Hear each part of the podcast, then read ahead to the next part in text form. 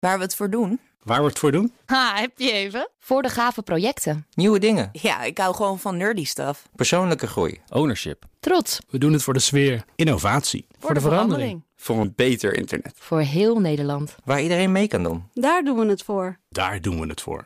Waar doe jij het voor?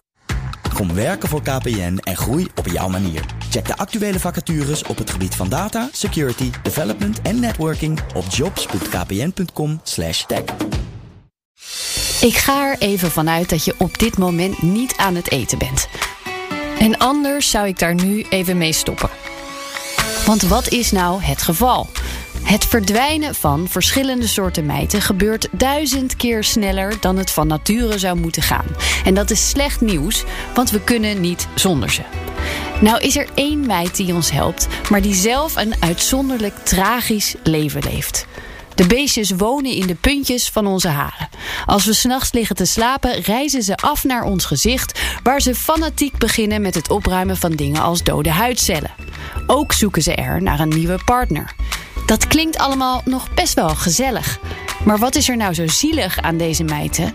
Omdat ze maar een heel klein spijsverteringskanaal hebben en netjes gezegd geen uitgang aan de achterkant, raken ze op een gegeven moment vol.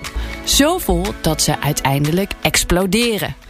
Deze mijten hebben zelf weer bacteriën in zich die dan op ons gezicht landen en dat kan zorgen voor rode plekjes. Dus de volgende keer dat je wakker wordt met een vreemd plekje op je voorhoofd, denk dan even aan de mijt zonder anus, bedank hem voor het stofzuigen en besef dat we ze stuk voor stuk hard nodig hebben. Zowel diep in het regenwoud als aan de puntjes van onze haren.